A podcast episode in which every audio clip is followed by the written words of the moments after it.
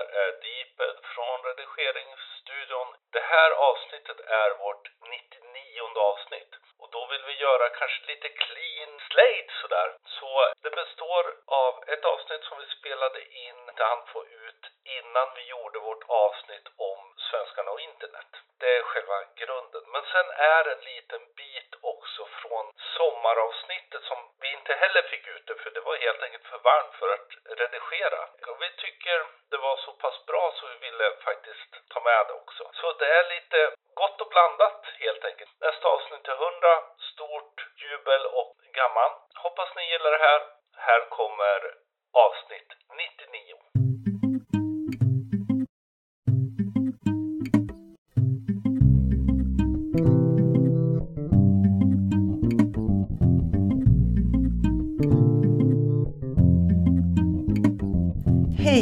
här är podcasten Social by Default och precis som alltid är det jag, Sara Larsson Bernhardt, som tillsammans med Deeped Niklas Strand driver den här podcasten. Vill ni kommentera vårt avsnitt eller har idéer för framtida avsnitt? Twittra till oss med hashtaggen Social by Default eller prata med oss på vår Facebook-sida alternativt vårt Instagramkonto. Hej Sara! Hej Niklas! Hur är det? Det är bra. Hur är det med dig? Det är bra. Jag tänkte precis på eh, den där hej hej som vi berättade vårt klapp. För Mm. att veta var vi är i inspelningarna. Berättade jag på Podgeek-podden här. Ja, för den har precis släppts. Jag vet vi nämnde den i senaste avsnittet att eh, du var med och spelade in tillsammans med Per-Olof Arenäs. Mm. En podd om poddar. Mm. Och den släpptes häromdagen. Precis, så vi fick nörda på ganska rejält. Vi hade lite svårt, de, de ville vara så här, ungefär som vår idé var från början. Att bara hålla på en halvtimme eller sådär så kort. Men vi hade lite svårt att avgränsa oss. Mm, det blir väl så när två passionerade möts. Jag vet ju när vi hade Joakim Jardenberg eh, och intervjuade honom. Då var det också svårt att hålla oss till en halvtimme. Det är väl den längsta podd vi har gjort någon gång. Ja, den blev ju väldigt lång sådär. Men det är ju så alltid att träffa människor som gillar saker. Det tycker jag alla våra intervjuer ofta känns sådär att man vill inte sluta. Därför det finns så otroligt mycket att berätta och prata om. Liksom. Och här blev det ju, vi kom ju aldrig in på riktigt 90 gritty teknik som vi gillar båda två. Och oftast har väl vi märkt också när vi har gjort intervjuer att när man har stängt av mikrofonerna och sen fortsätter samtalet. Det är då man borde spelat in. Det är ju därför de senaste intervjuerna så har jag ofta inte stängt av. Utan vi har låtit intervjun liksom fortsätta lite. Men nu sitter vi här, det är fredag morgon. Eh, Jag sitter eh, på 14 våningen och blickar ut över ett fantastiskt Göteborg. Och du sitter hemma i Borlänge idag. Mm. Internetdagen när- närmar sig. Den är ju i november i Stockholm, 19-20 som ni vet. Vi har pratat om det. Men för er som inte har varit inne och tittat, gå in på internetdagarna.se och eh, kika på programmet. Vi driver ju sociala medier första dagen och det digitala valet andra dagen. Du och jag ska till och med föreläsa. Det händer ju nästan aldrig. Men vi ska föreläsa ihop på en av dagarna. Ja, det ska bli Lite, super. lite längre. Vi, vi snodde åt oss en halvtimme av programmet. Du och jag var ju på middag på Bergs och eh, vi var ett antal som satt kring och då fick alla bord en uppgift att diskutera kring. Och vårt bord fick diskutera kring ordet lekfullhet och marknadsföring. Och det har ju satt igång en hel del tankar både hos dig och mig. Och tittar man på hur det ser ut nu och tittar tillbaka fem år, sex år, sju år kanske när sociala medier höll på att bubbla och det fanns en nyfikenhet och passion. Så känns det som att vi har tappat bort lekfullheten någonstans. Mm. Och det finns ju massa, massa, vi vet ju inte varför. Men, men jag menar, du tittade ju på, verkligen började tänka, men vad fanns för kampanjer förut som, som var riktigt intressanta?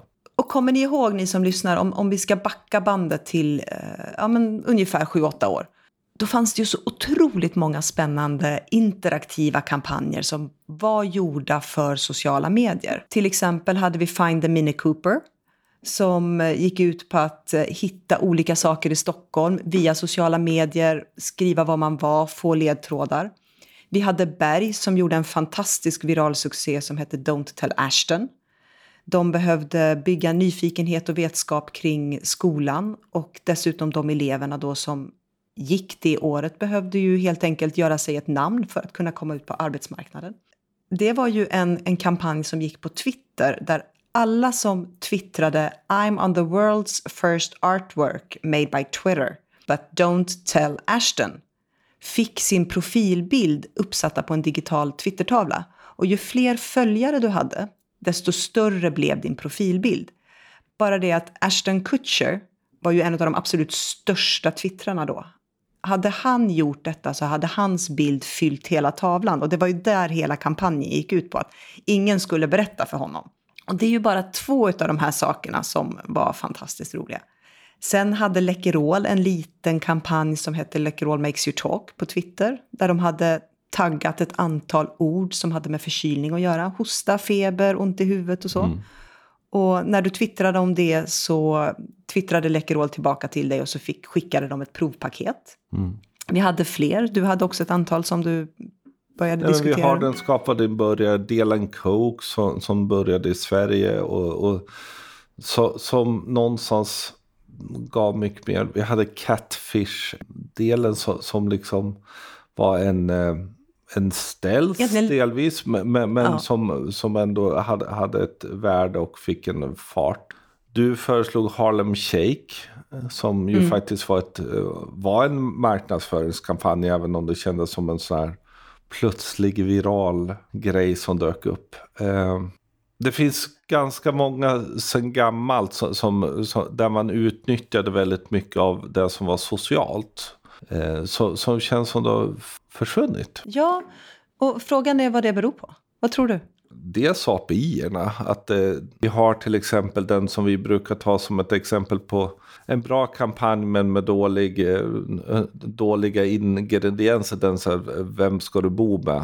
Fastighetsbyråns. Alltså mm. själva idén där är ju jättekul. Men det kan man du ju inte göra längre med API-erna. Därför de, det är stängt att du ska kunna hämta så mycket data från, från Facebook. Jag tror, jag tror så här, dels så, så blir det lite ja men det är redan gjort så varför skulle man göra samma sak igen? Och att liksom man är lite lat med att försöka tänka ut nya idéer. Mm. Och sen kanske är helt enkelt att vi hela tiden, ju mer data vi får ju mer behöver vi bevisa. Vad tror du? Ja, precis. Att, att datan, att vi blir så otroligt konverteringsfokuserade med allt vi kan mäta, att kreativiteten någonstans försvinner. Mm. Är det mm. så du tänker? Mm. Det är inte helt omöjligt. Jag kan tycka att det är synd.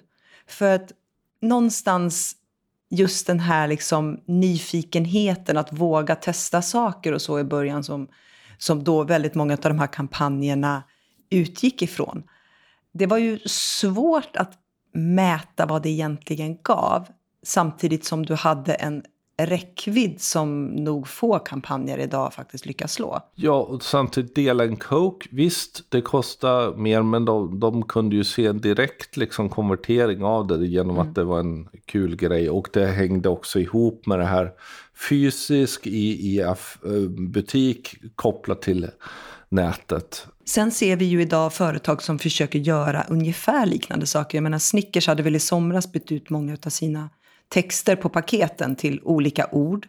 Ramlösa har stripat om sina flaskor. Men det är inte det här utifrån ett sociala medietänk som Nej. dela en Coke. Nej, men om man utgår ju inte från det att använda det digitala och använda det virala. Utan man, man gör en egentligen påskgrej där det digitala bara ska berätta att ha kolla en snygg flaska. Alltså det finns inget som kopplar ihop och utnyttjar den digitala, framförallt det sociala i saker. Men hur ska man få tillbaks, hur ska man få tillbaks kreativiteten då? För jag menar om det nu är så att det är mainstreamifieringen att det är API-erna och att det är datan som någonstans står i vägen för kreativiteten. Hur ska man som företag våga faktiskt gå bort bortom det och, och känna det här att vi gör det här för att vi vill och för att det är kul och för att vi vill få uppmärksamhet utan att trampa fel. Hur ska man då göra för att, för att våga få tillbaka kreativiteten? Du jobbar ju på byrå och ni gör en del kampanjer. Var, var i ligger ängsligheten? Är det att man inte vågar eller är det att man känner att man hellre tar det säkra före det osäkra och så får man ett mättal som man kan liksom presentera högre upp i organisationen. Det finns egentligen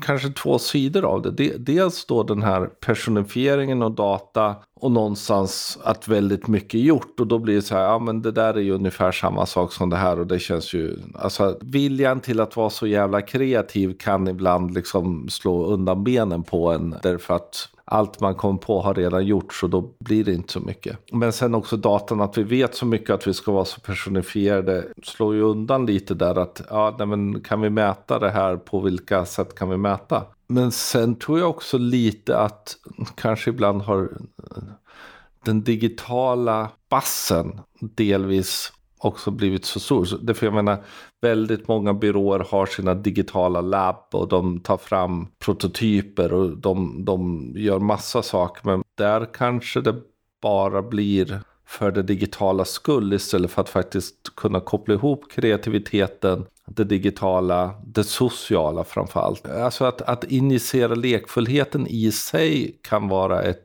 kan vara ett värde att faktiskt tänka till lite extra. Sen finns det en annan tanke som slog mig. På den tiden, då, sju år sedan, åtta år sedan, så var ju influencers inte lika stora. Nej.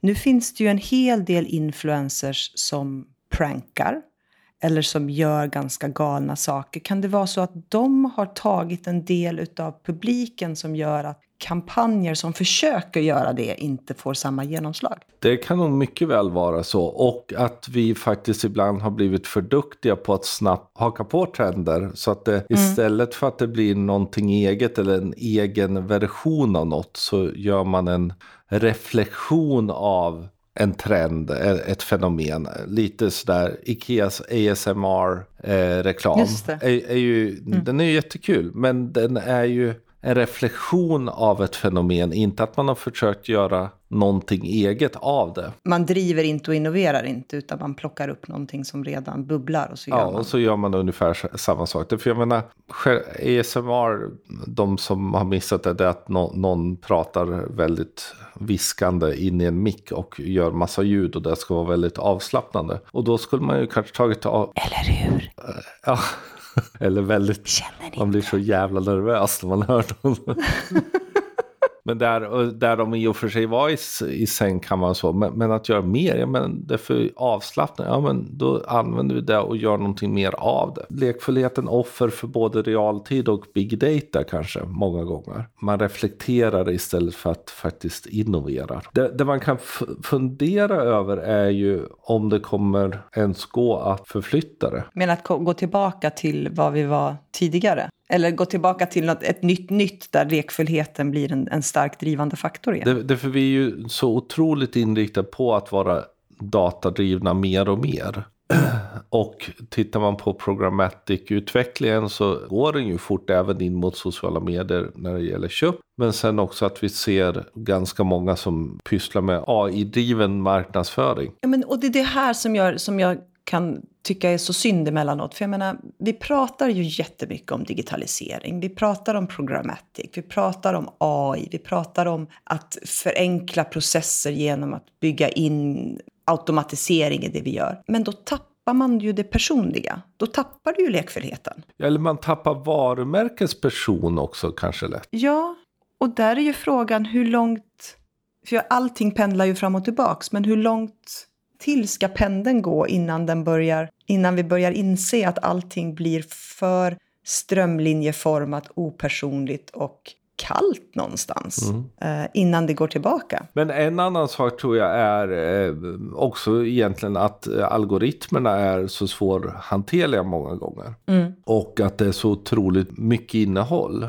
Och det är mycket innehåll som ska produceras för att kunna synas i algoritmerna. Det är för det jag menar någonstans, du sitter ju med det här varje dag. Liksom, att, att liksom vara kreativ och lekfull när du har 70 slottar som ska fyllas kan ju bli så att man gärna landar in i att göra det man har gjort. Så är det ju. Och där finns ju också en besvikelse i när man skapar någonting som man tror på och som funkar i andra forum. Men så lägger man ut det i den kanal som man kanske har tänkt på. Och sen har du en algoritm som straffar det som gör att du inte alls får den utväxlingen som du förväntade dig. Ja, men då drar man ju tillbaka det och så går man tillbaka till det liksom mer säkra. Och det är ju både frustrerande och jättesynd. För precis som du nämnde, alltså, mycket utav rösten eller passionen i varumärket går ju förlorad. Och det var ju det som var så fantastiskt i de här virala kampanjerna som vi pratade om för ett antal år sedan. Att det var ju det som byggde varumärket väldigt mycket. Och Så är just i sociala medier, att det kom så otroligt nära oss individer. Mm. När vi pratar om det här på kurs så brukar jag sä- säga att liksom, varför bör, blev jag helt fascinerad av digital marknadsföring nästan innan jag blev marknadsförare. Det var ju Subservient Chicken så, från uh, Burger King. Och där kanske inte nödvändigtvis var Burger King som fastnade hos mig utan det var Crispin Porter Bogoski som byrå som för mig blev varumärket att, att eh, liksom verkligen vara totalt lekfulla, totalt respektlösa egentligen mot marknadsföring livsføring och göra någonting fullkomligt bisarrt. Och som fungerade trots att till och med Burger King var nästan lite så osynligt från början. För de var väldigt osäkra på om det här, vad det här skulle ge. Så de var liksom en ljus... De tog det andra säkra. Ja, men, ja, men liksom, Burger King stod med en så här 70% grå på en svart bakgrund under. Liksom, det, från början. Sen när de såg att det lyfte, då syntes det direkt. Någonstans handlar det väl om att börja titta på, ja men är det inte dags att vi försöker ta ett steg till? För det sker massa kreativa saker, det sker massa sådana saker, men det är fortfarande på en nivå där det ibland är ett, en översättning av det analoga istället för att faktiskt våga vara riktigt digitala. Det är ändå tio år vi håller på med sociala medier och vi började att utforska det men sen vände vi tillbaka. Någonting annat som kanske går parallellt med det, eller hand i hand med det, är ju något som vi nu har sett i sociala medier. Att när plattformar köps upp av större aktörer så förr eller senare så lämnar grundarna. De som egentligen var passionerade i att utveckla och skapa någonting som var nytt och spännande för målgrupper. Och det, det är ju i och för sig någonting som ofta händer när man, när man blir uppköpt. Så det, det är ju inte så att det är specifikt här, men- det hänger nog säkert ihop. Det, för nu senast då har eh, Instagrams grundare eh, valt att lämna. Whatsapps grundare har också lämnat. Och det här är ju, Facebook har köpt upp dem, Facebook vill dra dem närmare sig. Tittar man på den senaste rapporten från Facebook så är, handlar det om att Facebook växer ju inte som det har gjort förut i sig själv. Men däremot Instagram växer jättemycket, WhatsApp växer. Och då vill ju Facebook dra åt sig det och försöka faktiskt kapitalisera mer på det. Och det är klart att som grundare som redan har sålt sin baby är det ju svårt att efter ett tag faktiskt känna att man, det är lekfullt och nytt. Så de lämnar för att skapa någonting nytt och få bygga igen. Ja, Och vara fria. Lite så är det ju. Och pengarna har de. Samtidigt så är det också. Det finns ibland ett problem och där, där kan jag börja se att kanske är det så att Facebook faktiskt är i det problemet. Det finns något som heter fou- founder syndrome som är helt enkelt att när, när grundarna är kvar så efter ett tag så blir innovationen lidande. Därför grundare säger ja men det där är inte som jag tänkte när jag startade Nej. det hela. Så kan det ju vara. Jag höll på att säga Apples problem idag är väl att de har ett omvänt founders syndrom. Att alla saknar jobs. Sådär. Och att det känns som det inte händer någonting. Så, så på så sätt. Men, men, självklart, alltså det, det kan i den så pass unga fortfarande eh, del som techvärlden är så Men om man tittar på Twitter. Jag menar Twitters eh, grundare Jack Dorsey försvann ju efter ett antal år. Och då fick ju Twitter ganska stora problem. Och så plockades han tillbaka igen. Men lyckades inte riktigt. Twitter har ju, har ju svårt. Och det beror ju inte bara på Twitter i sig som plattform. Utan det beror ju säkert på generellt sociala medier och hur världen har förändrats och allt sånt också. Men finns det en risk att allt blir för strömlinjeformat där med när de som brann för någonting och ändå kanske hade den här visionen, när de lämnar för tidigt. Det kan det säkert. Alltså, Twitter hade inte funnits om inte Jack Dorsey hade gått tillbaka tror jag. Nej. Jag tror det är så fast krasst. Så det är en ganska, alltså Jobs gjorde ju samma sak i Apple. När mm. Apple verkligen höll på att gå i putten så plock, bad de honom komma tillbaka och sen idag är det där det faktiskt är tack vare Jobs. Så där finns ju självklart, alltså Founder har ju också en eh, väldigt viktig del i om man då kan följa och skal, följa med i skalningen av ett företag. Mm. Men, men, just tittar man på Instagram och så så blir, blir ju snarare problemet att ja, men de ägs ju av något mycket större och är liksom en de del äg, av De ägs av något mycket större men de ägs också utav en, en plattform som försöker bli Instagram till viss del också. Ja, eller man, man tar ju och, och stoppar i saker. Så jag tror helt enkelt Sägström har haft väldigt lite att säga till om på slutet och därför, och han har ändå varit kvar i sex år. Mm. Ja, det är ganska lång tid. Gissningsvis så har han fått mindre och mindre att säga till om i utvecklingen och därmed känna att nu är det dags att göra någonting annat. Jag tror att han inte gillade IGTV och så slutar han i ren protest. Du tror det, ja. Det har inte alls med mina egna erfarenheter och känslor att göra. Nej. Annars kan vi ju i och för sig i tv kännas lite som samma idé som ändå Instagram hade. Att vara jävligt mobilt, att liksom mm. bryta mot det som alla tycker att man ska titta på saker i horisontläge. Men eh, vad tror vi om de stora techbolagen? När, när dör Facebook? Alltså jag det kommer ju, jag tror, nu ska jag... Ska jag killgissa. Killgissa på tjejvis. Jag tror att det dröjer, men jag tror att de kommer ha svårare och svårare att eh, få folk att stanna kvar. Med tanke på att det finns faktiskt... Jag menar, när, när någonting blir vardag, och Facebook är vardag för väldigt många, så kommer vi förflytta oss till en annan plattform där vi kan vara mer lekfulla. Tillbaka till det vi pratade om innan. Mm. Och det har vi ju sett med Instagram till exempel. Mm. Så jag tror att Facebook kommer förändras och jag tror att de delvis driver förändringen själva men beteenden hos oss människor kommer också driva den. Men att de skulle dö ut som plattform, det kommer inte ske på ett bra tag. Det mm. killgissar jag eh, nu. Vad tror du? Facebooks styrka och problem är någonstans att de är starka, vi är där, men vi utnyttjar det som en annan sorts plattform än vi har gjort förut. Köpt, konverterar riktigt bra hela tiden. Vi utvecklar det mer till någon sorts tidning egentligen. Problemet mm. tror jag för Facebook och de andra är både sin egen vilja att, så att säga, äga äga väldigt mycket data. Där vi var inne på API-erna, att man inte kan göra så mycket, att man inte kan plocka mm. ut så mycket. Och helt enkelt myndigheter och, eh, som, som vill se till så att inte begränsa den eller? delen. Därför jag tittar återigen på social media listning-verktyg. Mm. Och där man nu inte får ut annat än sidinnehåll från Facebook. Man får inte ens ut de öppna, vad heter det, öppna, öppna kom kommentarerna från, från människor. Utan det är liksom innehåll från sidor som man just nu bara får. Topic data är stängt.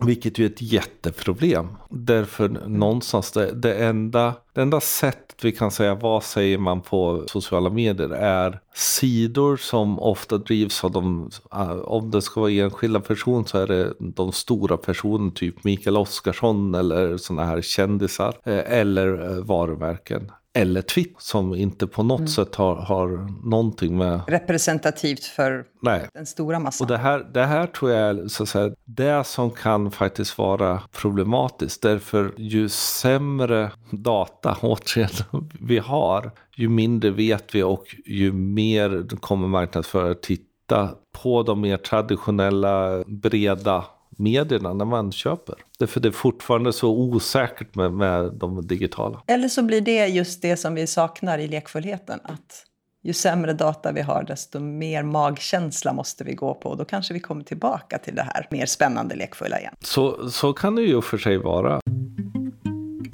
Du var i Almedalen och upplevde ja. det live. Vi pratade ju om det också i senaste podden om vilken av kanalerna skulle du använda som din huvudkanal. Och jag har tittat på Almedalen utifrån ett skärmperspektiv eftersom jag inte var där. Och vi har lite olika ingångar så det ska bli kul att prata lite om det.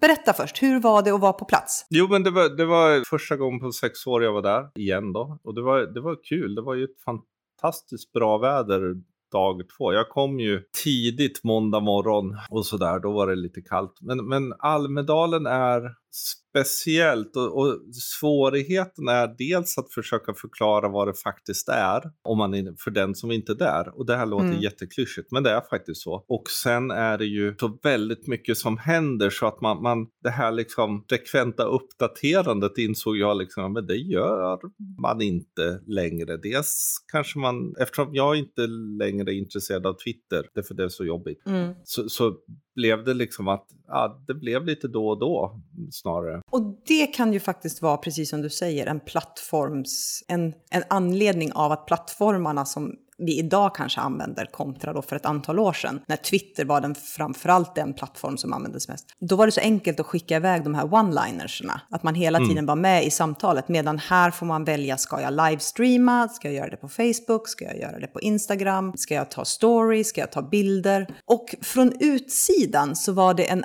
annan Almedalen som, som jag upplevde i år jämfört med tidigare år. Och då ska vi också veta att förra året lyssnade jag inte alls, för då var jag inte i, i Sverige. För två år sedan så var fortfarande Twitter hyfsat okej okay att vara på. Så för min del som satt från utsidan så var Twitter fortfarande den kanalen som, som drev mycket av det jag fick veta. Sen fanns inte Instagram story förra året under Almedalen och det tror jag har gjort en väldigt, väldigt stor skillnad, åtminstone från mitt perspektiv. Det, för vi hade ju kontakt under, under tiden sådär och, mm. och du, du hade åsikter om vad som hände på Almedalen. Ja. Och, och, det, kan vara lite, det kan vara lite kul att höra höra de åsikterna. För jag tror att det har med varandra att göra. Om, om jag ska backa tillbaka då till de år som Twitter har varit min primära kanal att lyssna av så har jag tagit del av väldigt mycket av den dialog och det samtal som faktiskt har pågått i Almedalen. Jag har fått utifrån att följa väldigt många av er som har varit där på plats för ni dyker alltid upp i mina flöden och då även hashtaggen faktiskt gick att följa för ett antal år sedan, så var det samtalen som stod i fokus. Nu har jag nästan inte tittat på Twitter överhuvudtaget, utan jag har fått Almedalen till mig via Facebook. Ett antal live, men det är ju de live där företag har valt att sponsra upp dem till mig som målgrupp så att jag ser dem. Och på Instagram. Och det är mm. svårt att följa med i en dialog på Instagram eftersom Instagram är framförallt ett bildformat. Vilket innebar att det jag upplevde, ganska stor skillnad mellan Facebook och Instagram, men framförallt på Instagram var hur mycket det festades, vilken typ av party och en vansinnig massa fylla som jag inte, jag visste att det fanns, men inte till den grad. Och ibland så blev jag lite obekväm i det jag fick se, för det gjorde att min perception av Almedalen förändrades till det negativa och inte till det positiva. Och, och där tror jag just det är lite de olika sätt vi använder plattformar. För jag menar Twitter, då sitter man och twittrar på vad som sägs på olika seminarier och det mm. är text och det, det, är någon sorts sån grej. Instagram blir ju ganska svårt att göra det och då kanske man tar en bild från en, ett seminarium som inte säger någonting egentligen att man är där. Mm. Men sen när man är på DD Battle eller, eller träffas på kvällarna och sådär, det är ju då det blir och det blir mycket selfies och, och sådana saker. Och det, det hänger väl helt enkelt lite ihop med de olika nivåerna av visuellt kontra text som finns. Därför jag kan förstå det och jag kan, jag kan se det på mitt eget flöde egentligen någonstans. Att, men jag tog bild när jag var på seminarium, men vad sa det egentligen? Gubbe som panel med gubbar och tanter som pratar. Liksom. Mm. Det säger ju ingenting, vilket gör att det blir ganska ointressant. Men sen Daniel och Anna som tävlar på DJ Battle för lokal media, ja men det är ju visuellt och kul och hej och hå. Så det blir liksom en annan, annan, annan sak. Sen är det ju självklart vilka, vilka personer man har i sina flöden, men just de här dialogerna och det som vanligtvis har dykt upp via hashtaggen dök ju inte upp på samma sätt i, i mina flöden i alla fall. Och det jag också ska säga är att om, om det var väldigt mycket party och fylla och så på, på Instagram, så motsatsen då Facebook, där var det framför allt NMR som syntes. Ja. För de har fått enormt mycket plats, både medialt men framför allt delats mycket klipp och liknande. Vilket också gjorde att jag tror att jag har fått en väldigt förvrängd bild av Almedalen mot vad man egentligen upplever när man är där. Precis, och jag menar, ska, ska man titta, det var 4 000 seminarier, över 4 000 mm. seminarier mm. som pågick. Fantastiskt mycket intressanta saker. Det var ju, det var ju nästan omöjligt att välja till slut slut blev man ju trött och gav upp. För det var så mycket bra som hände samtidigt ofta. Och, och det där kommer ju inte fram och där, det är ju synd. Även om då många har blivit, jag skulle gissa att av de här 4000 är säkert 2000 seminarierna på något sätt video inspelade och direktsända. Mm. Vilket innebär att 2000, eh, det är 2000 timmar video som finns, minst. Och det är galet. Eh, och det hinner man ju inte titta på heller i efterhand och sånt saker. Så det, det, där är ju otroligt mycket material som egentligen finns, men, men den är inte tillgängliggjord på samma sätt. Men det är ju de här olika delarna, för jag menar Facebook har ju gått över till att bli mycket att man pratar om politiska saker eller nyhetssaker, åtminstone i våra flöden. Sen det är ju bara det vi kan prata om. Och då blev det ju mycket NMR och sådana saker. Mm. Och sen Instagram blev liksom party. Det där blir ju otroligt ko konstig krock. Mm, det blir jättekonstigt, framförallt för oss som är, på, som är på utsidan. Sen en annan sak som jag tänkte meter på. För jag menar, det har ju alltid varit lite grann den här devisen som man säger om Las Vegas. Att what, what happens in Almedalen stays in Almedalen. Men det är ju inte, det är ju inte längre sant. För what happens in Almedalen är broadcastat av åtminstone en eller två eller 30 eller 100 skärmar rätt ut i sociala medier idag på ett helt annat sätt än vad det har gjort tidigare. Så har det ju varit de senaste tio åren i alla fall. Då. Eh, men förut var det Twitter som var den viktiga delen. Almedalen är kul och Almedalen tror jag fortfarande har en vikt. Men självklart är det alltså, vi behöver kanske bli bättre vi som är där att faktiskt börja kanske återta Twitter-användandet för Almedalen. Det, det som är fantastiskt med Almedalen, jag sa det, att gå hästgap och ner, det är som att gå i sitt eget LinkedIn. Det för, åtminstone för mig som liksom lever i den här PR, politiker, medievärlden och som du också delvis gör. Det är ju där man träffar alla de här som man sällan har tid att träffa annars. Och man stannar, man snackar någon minut och så går vidare. Och det här samtalet som pågår när man går upp och ner och hör, liksom, hör fragment av samtal som kan handla om politik eller om något annat. Och, ja, det är ju en ganska fascinerande sorts folkfest då det är så att man samlas på grund av ett intresse för demokrati, politik och sådana saker. Så, så, på så sätt är det en ganska fascinerande upplevelse att vara där. Samtalen fortsätter ju i alla fall och det är som du säger, de som har spelat in live, de kommer säkert lägga upp saker. Jag märker fortfarande hur det kanske har blivit eftersvall på ett annat sätt än vad det var tidigare år. Samt kanske är så att ni som är på plats behöver också fundera på hur kan vi lyfta ut samtalen även i de kanaler som är mer visuella än textuella till nästa år. Jag pratade faktiskt lite med Britt Stakston om det, som har varit där varje år och var ju faktiskt den som var först att slå i taket på dagliga antal tweets under Almedalen ett år och sådana saker. Någonstans har sociala medier blivit så normalt för oss att vi inte längre använder det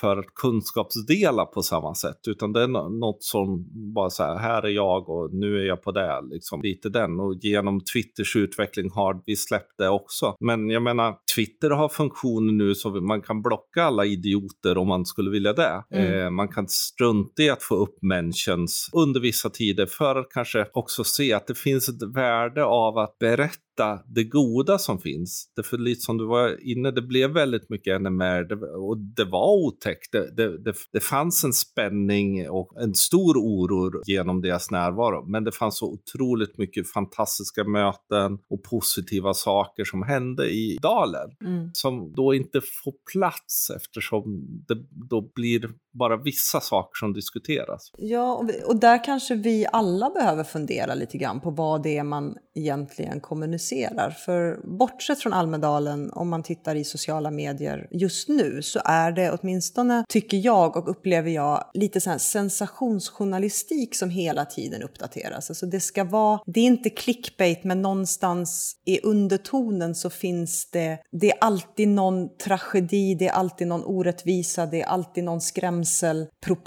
som är det som, som dyker upp och delas. Bortsett ifrån de här fantastiska räddningsaktiviteten med pojkarna i Thailand som någonstans slog som en motvikt till det här när länder från olika, alltså människor från olika länder gick samman och, och gjorde den här räddningsaktionen. Som också mm. gör att just den storyn berör. Det vanliga flödet har ur mitt perspektiv nästan blivit det som jag pratade om för ett antal år sedan när jag pratade om amerikansk journalistik. Att allting var skrämselpropaganda. Jag tror att vi behöver bli bättre på att lyfta upp de bra historierna. Så att mm. det någonstans späder ut. För jag tror att en baksida med globaliseringen och det här eh, konstanta informationsflödet och tillgång till information vi har är att vi får kanske också en lite, lite snedvriden syn på vad det är som händer i världen. För det är det som upprör och berör och engagerar utifrån kanske orättvisor och så, som är det som skrivs om. Kan det vara så? Du, du och jag brukar ju ta upp liksom en, en numera några år gammal undersökning där de gjorde,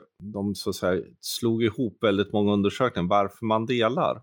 Mm. Och där vi pratar dels om att bygga egna varumärket, känslor, emotioner, eh, grupptillhörighet och generellt att bara visa att man kan. Är det så att den här kanske håller på att förändras? Flippar över till känslor eh, och sensation ja. och de andra kanske blir så viktiga? Ja, jag tror det. Jag tror att du har helt rätt i den uh, iakttagelsen. Eller att framförallt att den har förstärkts så. För jag ja. upplever även media på samma sätt. Jag menar, de jagar ju såklart läsare och de jagar klicks och de jagar, de jagar våra ögon under den tiden vi investerar i sociala medier. Vilket innebär att de måste förvrida eller skriva eller på något sätt göra att vi faktiskt fastnar vid deras saker och då blir det sensationsjournalistiken. Och jag tror att vi tar upp det beteendet själva också lite grann. Mm. För vi jagar också våra kickar och det får vi ja. när vi skriver saker som berör eller när vi visar saker som upprör och liknande. Mm. Du följde ju väldigt intensivt den här räddningsaktionen. Mm. Därför den, den ha, hakade i din känsla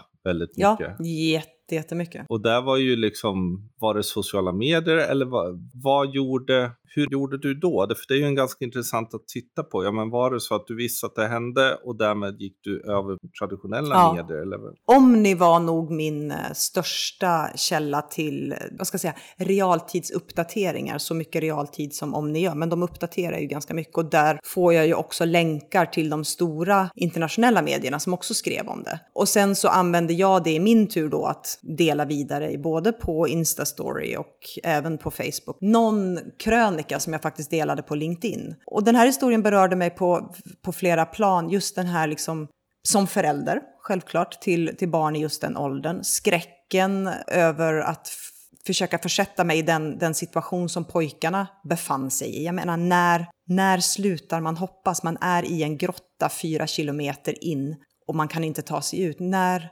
när slutar man hoppas att någon ska hitta en? Och så just hela det här liksom att för en gångs skull i den här världen som jag upplever vara total kaos just nu, där man ser liksom att någon slags medmänsklighet har försvunnit, är det frivilliga och folk från flera olika länder som faktiskt ställer upp och det är en sån räddningsinsats som ger mig gåshud. Och tack och lov då ett, ett lyckligt slut ja, men på något sätt så berörde det mig väldigt, väldigt mycket och upplever också att människor kanske i sociala kanaler, för det delades en hel del, just den här motvikten till allt det andra som händer faktiskt någonstans gjorde att det här var en, en bra story som vi ville lyfta upp. Ja, det är ju fortfarande otroligt viktigt och kanske viktigare än någonsin samtidigt som de backar bakåt väldigt mycket bakom betalväggar.